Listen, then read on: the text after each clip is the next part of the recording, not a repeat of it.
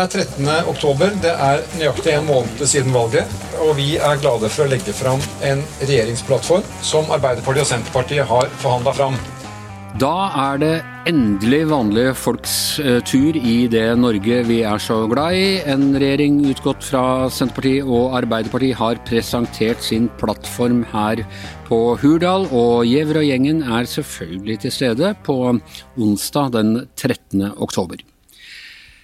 Ja, uh, Hannes Kartvedt, det ble fleipa med her blant pressen at vi går mot et kaldere samfunn. Mye kaldere nå eh, enn det var for tre uker siden da, da disse forhandlingene begynte. Og når uh, Trygve Slagsvold Vedum og Jonas Gahr Støre uten Audun Lysbakken presenterer uh, regjeringsplattformen sin? Ja, da frøys vi alle sammen. Ja. Altså, selv Jonas Gahr Støre sto jo på plattformen der og begynte å massere hendene sine, for at det ble kaldt for han òg. Ja. Men han var i godt humør? Ja, begge to var i godt humør. Klart, ja. de, de har sittet her i ukevis her på Hurdal og forhandla, og kommer da fram med dette som de selvfølgelig begge er veldig fornøyd med, og nå skal de i regjering. I morgen går de ut på Slottsbakken, det er klart dette er stort for dem. Og alle statsråder er antagelig klare, og alt er, alt er klappet og klart? Ja, alt er klappet og klart. Eh, hva, hva er de viktigste punktene i denne eh, såkalte Hurdalsplattformen? Det er jo vanskelig å få øye på liksom, den store, eh, definerende reformen som skal liksom, prege denne regjeringa de neste fire årene. Det er utredninger, det er 33 utredninger som, skal, ja. som i hvert fall skal prege. De skal utrede EØS og de skal utrede ditt og datt. Og, men de har ikke noe sånn stor tannlegereform eller uh, et eller annet sånt? Ja, det er mer reversering enn reformering, med enn reformer. De, de reverserer, de skal gjenåpne skolen på Nesna, som har vært veldig omstridt, denne lærerskolen. Uh, de skal Eh, de gjør ikke noe med Andøya, det er jo overraskende for mange, men de skal reversere regionsreformen, domstolsreformen. Eh, det er litt sånn wishy-washy, vil jeg si, på politibiten, hvor de egentlig skulle reversere hele nærpolitireformen. Det har de ikke gjort. Og de skal ikke redde Ullevål sykehus? De skal ikke redde Ullevål sykehus heller. Det var det jo mange spørsmål på pressekonferansen her. Det var jo, gikk jo Trygve Slagsvold Vedum nærmest til valg på. Nå fikk han jo ikke en representant i Oslo allikevel. Jan Bøhler ble ikke valgt til. Det er mulig han bryr seg litt mindre om Oslo. Så da er det liksom fingeren til Oslo fordi vi ikke ville velge Jan Bøhler? Ja, og Støre har jo ønsket å, åpenbart å legge ned Ullevål. Altså, han har jo stått på den linja med at du skal ha de endringene som er lagt opp til. At du skal bygge ut eh, Aker og, og Gaustad. Så det er, eh, det er, mye reversering her, og lite reformer. Ja. Uh, Hans Petter Sjøli, vi lurte mest på, på oljepolitikken og hva slags kompromisser de skulle komme fram til der. og Hva, hva har de kommet fram til? Ja, Hva har de egentlig kommet fram til? Det blir jo, De skal bare utvikle og ikke avvikle, sånn heter det. har de sagt på inn- og utpust gjennom hele valgkampen. Så, det ble ikke noe CO2-avgiftsøkning på utslipp som kommer fra bio, biologisk materiale. nei, nei, nei, det, Kuene skal ikke betale mer avgift. Skal ikke røre landbruket, de skal få lov til å forurense. Men, nei, så det er jo eh, det, det, vi, vi, kommer inn på det, men altså det, det, der er jo et konfliktområde på Stortinget framover. Selvfølgelig hva, hva, skjer med Men de, der har de jo flertallet med seg, så der må jo, blir jo venstresida litt sånn satt litt sjakkmatt også i forhold til med, med olje. Så den uh, oljen skal vi nok tjene ganske mange trilliarder på i årene som kommer også.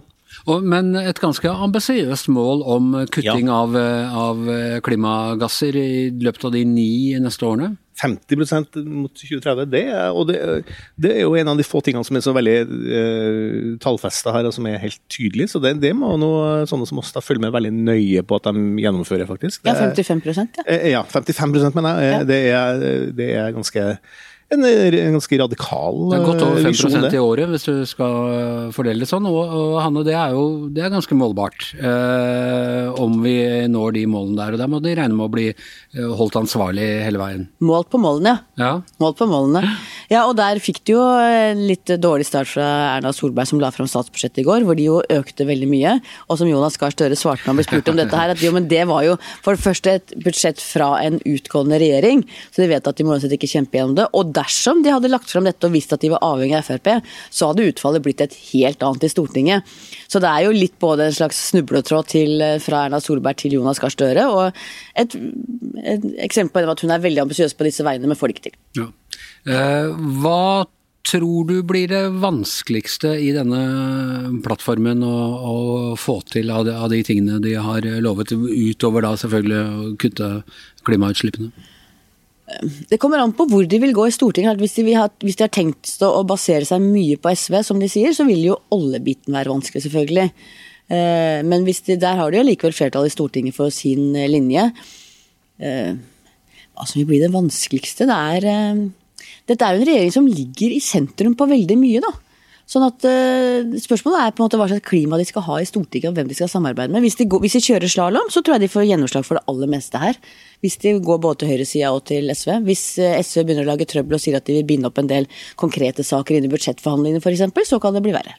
Hva tror du, Hans Petter, du som kjenner venstresida? Altså, jeg jeg synes jeg er enig med Hanne. Altså, vi har vi noen gang hatt en regjering som har vært plassert mer i sentrum av norsk politikk, egentlig, som kan gå begge veiene og, og få flertall med forskjellige det, Og som vil kunne påstå at de har et mandat fra begge sider i, i politikken? Ja, det har, altså, Senterpartiet henta jo mange velgere over fra, fra høyresida over til det her. og det Eh, sånn sett så ligger jo eh, regjeringa helt sånn perfekt plassert egentlig på å få gjennom eh, så å si hele det her plattformen og det de ønsker å gjøre. da, Men de har jo sagt helt eksplisitt at det er SV som er det de går til først når det gjelder budsjett, og det, det, det blir jo sikkert Ja, det blir jo kamper, da.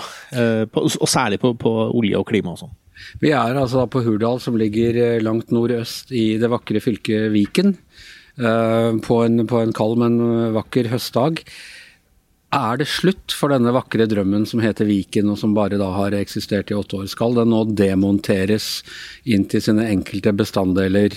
Akershus, Østfold og Buskerud igjen? Eh, dette, dette, var jo eh, Lundteigen, Per Olav Lundteigen var ute og sa at det var en absolutt must for at det kunne bli noe regjeringssamarbeid. Jeg, tror, jeg er i hvert fall ikke overbevist om at Viken blir oppløst. Eh, det de sier her, er at det skal avgjøres i fylkestingene, de, eller, altså, ja, eller regionstingene, fylkestingene, ja. Mm. Eller i kommunestyrene, de som skal oppløses. Det Vedum egentlig har sagt, var at det skal være folkeavstemninger. Det blir det altså ikke. Og, og dette fylkestingen i nye Viken, der vil jeg tro det er delte meninger. Og både blant partiene, og også kanskje at Buskerud-representanter og Østfold-representanter ser annerledes på den tidligere Akershus-representanter. Så jeg tror, når det har gått seg til, for det har gjort det nå en eh, par år, med styring og organisering og alt dette, så tror jeg at Viking kommer til å bestå. Altså Som født og er ikke født, jo faktisk, både født og oppvokst i Viken, eh, så, så, vil jeg si at det er få ting jeg bryr meg mindre om enn fylkeskommunen. Slå sammen Ås og Ski, ja det hadde jeg vært mot eh, kommunene. Men, men fylkeskommunene sånn sett, Hans Petter, på det sentrale østlandsområdet, er det noe å hente på en, på en sånn reform? Altså, de har jo vært veldig tydelige på det, da, og det har, jo, det har jo vært meningsmålinger som har tyda på at det er en ganske stor folkelig eh, oppslutning om å oppløse det også. Men det har jo noe med at det har ikke eksistert i åtte år. Sånn. Det, det har jo kommet jo mye senere, det her. og Det har, det har ikke fått satt seg ordentlig. De, de, de, er jo ikke blitt enige om hvor de skal bygge noen nye bygg, eller noe sånt, så det, så det har vært bare i støpeskjea ennå. Jeg så, et, eh, så en reportasje her fra folk oppe i Ål, oppe i Hallingdal, og de var veldig fornøyd med nye Viken. Så det er ikke gitt at, at, eh, at alle rundt omkring i det store fylket da mm, mener at det var så mye bedre før. og Dessuten så har det et problem også, for det er noen kommuner som har skifta fylke fra de, de forrige, forrige fylkesstrukturene. Så da må de kanskje begynne å løse det på nytt igjen så Det, det, det er ikke bare å oppløse det her. Men det som, det som er helt eksplisitt her da, i plattformen, det er å oppløse Finnmark og Troms, da, som jo er et helt gedigent fylke. da. Foreligger det jo en helt klar uh, vilje derfra? Dette, jeg vet de har ikke, søkt. De har, jeg vet ikke hvor mange ganger de sa at dette er en regjering som skal lytte til folk. og det er liksom... Men det, men det er jo ikke helt klart der, for det, Alta har jo vært ute og sagt kanskje vi skal heller være sammen med Troms. Sånn, så det er jo ikke, det er ganske komplisert det her. Husk på vår avdeling, Gjengen Anders, fikk jo en ny trønder med denne regionsreformen. Fordi at Astrid Mæland, som bor, er fra Rindalen, plutselig ble det en del av Trøndelag. sånn at uh, Halve vår avdeling er vel etter hvert uh, trøndere. Ja. Men det som er interessant med disse regionsreformen, er Fylkespolitikere i Norge har jo vært de hemmeligste, de best lønna, eh, de mest, eh, minst ansvarliggjorte politikerne. Alltid om de i det hele tatt trenger det tredje nivået, har jo vært diskusjonen tidlig. Trenger vi fylkeskommunen?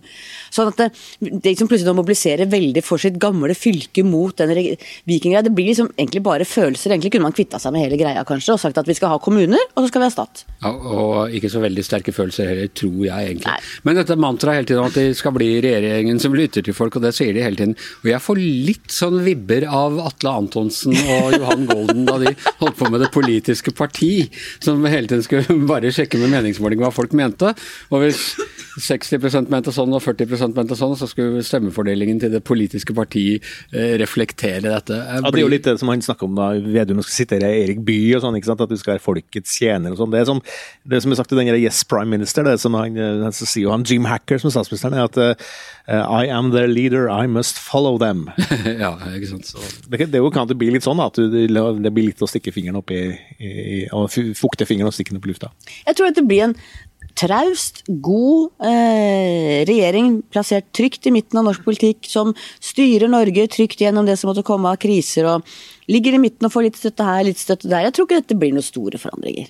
Du, vi må ta litt den personlige kjemi. Altså, det er åpenbart at altså, Vi var jo opptatt av det da de var tre eh, for tre uker siden. Nå er de to, men det virker fortsatt som det er en god kjemi.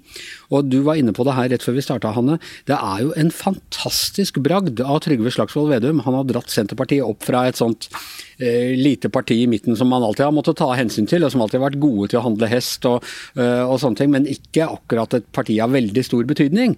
Som nå faktisk er nesten en likeverdig partner med Det kongelige norske Arbeiderparti, og står her på en uh, bokstavelig talt plattform hvor de har er, hatt nesten like stor innflytelse og vil stille med nesten like mange statsråder eh, i den regjeringen. Det er, det, er en, det er, en, historisk politisk prestasjon, dette her. Ja, det er det virkelig. Da han tok over partiet som leder, for først var han en kompromisskandidat som ingen egentlig hadde noe særlig trua på, verken innad i Senterpartiet eller utafor. De lå og snuste mot sperregrensa på 4 eh, han skulle være en slags overgangsfigur, antagelig. Og så har han bare løftet partiet, og som du sier, er, nå står han og Jonas Gahr Støre sammen, er de to, han, de to partilederne. Og du ser også kjemien. Jeg har snakka med flere som har vært involvert, som sier at de to tenker ganske likt rundt hvordan de skal komme fram til resultater, til prosess, dialog. Eh, hvor du skal finne liksom, hva samler oss, hvordan skal vi klare dette. De er ganske like som typer, faktisk, selv om de er veldig ulike, de to gutta. Er det litt så, altså Vi har jo alltid i VG vært for det store samarbeidet og på tvers og liksom og ligget litt sånn i kortene, men nærmest en Arbeiderparti-Høyre-regjering hadde, hadde vært det beste. Er det det vi har fått nå? Det nærmeste vi har kunnet få det? Det er et godt spørsmål. Ja, det, er i hvert fall en som ligger trygt plassert i sentrum. Nå vil noen si at det var jo venstresida, de rød-grønne, som vant dette valget. Det er 100 mandater på Stortinget når du ser liksom til venstre for streken. Men Arbeiderpartiet og Senterpartiet sammen fikk jo rundt 40% og er Arbeiderpartiet er også en ganske stor andel av det partiets politikk som ligger trygt plassert i sentrum. Så jeg tror nok at dette er en sentrumsregjering på mange måter, ja. Apropos eh, folk man har tro på når de overtar og kompromisskandidater i det hele tatt. Det ligger an til ny eh, partileder for eh, Kristelig Folkeparti også i dag? Ja. Olaug Bollestad, som Ulstein, som jo sier at han er ikke aktuell. Dermed blir det ikke en maktkamp mellom to av de tre stortingsrepresentantene KrF nå har. Nei, eh, hva tror vi om det, Hans Petter? Nei, jeg forstår det er litt overraskende. Det, det mange av de fylkeslagene har pekt på han Ulstein, og han er jo yngre og, og en litt mer sånn coming man, mens Bollestad representerer litt det gamle så det var veldig overraskende. Men det, men det ble begrunna litt med familiesituasjonen. Altså jeg at han, at han trakk seg, rett og slett? Ja, han har fire små barn, blant annet. Eh, og det er jo en krevende jobb å skal begynne igjen. Å være partileder det er jo en kjempetøff jobb i seg sjøl. Å skulle bygge opp et sånt parti som er så skakkjørt som KrF, det, det, det er nå en voldsom oppgave. da, så så var det sikkert avklart mellom dem også da, at de, de var i hvert fall ikke interessert i å kjempe mot hverandre. da. Eh, så, ja, det, og Bollestad er jo kan si mye rart om hun, men hun er en ganske festlig dame? Ja, altså det er jo ikke eh, De har hatt mindre karismatiske ledere i Kristelig Folkeparti enn Olaug Bollestad, Hanne? Ja, alle de som lurer på hva du mener med det, kan jo gå inn på Instagram-kontoen hennes, herr og fru Larkins. Hun er jo ikke selvhøytidelig i det hele tatt, og er eh, hjertevarm og veldig engasjert. og ja. Jeg hadde en podkast med Thomas Giertsen her i vår, og det er eneste som har fått meg til å le ganske mye. Og også faktisk nesten få meg litt på grineren. Så, så en uh, Hun har jo en sterk karakter. Så da spørs det om, om uh, Er det noe rom uh, for den politikken i Norge nå, framover?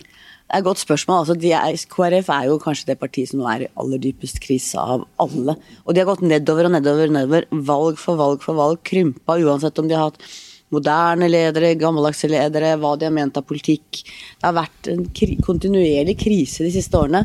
Samtidig er det litt rart når det skjer er i Europa, så er det store kristendemokratiske partier der. Og at man ikke har, i Norge har plass til ett parti som på en måte står for de verdiene og som vil appellere til mange, det er egentlig litt rart. Men vi har jo sentrumsregjeringa, eller Ap-Senterparti-regjeringa, for de satser jo knallhardt på kristendommen. Og de skal jo feire 1000 års kristendom i, i 2030 på Stiklestad. Det står helt eksplisitt i plattformen. Det, og da skal vi feire at Norge da er et kristent land. Så, så de kristne tradisjonene og kristne verdiene er vel det godt representert med Jonas Gahr Støre. Jonas Gahr Støre er vel den første Arbeiderpartileder som har stått fram som personlig kristen, vil jeg tro?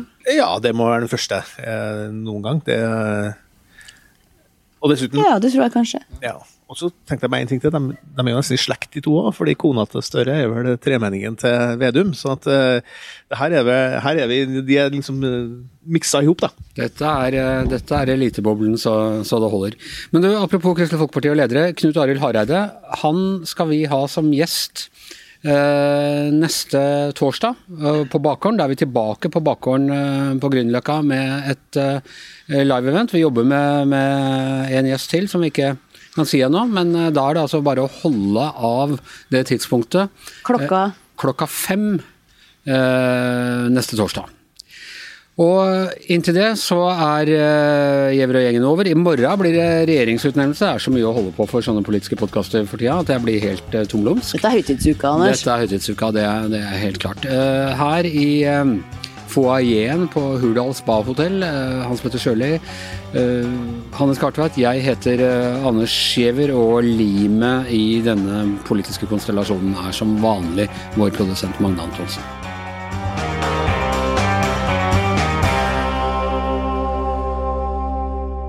Du har hørt en podkast fra VG.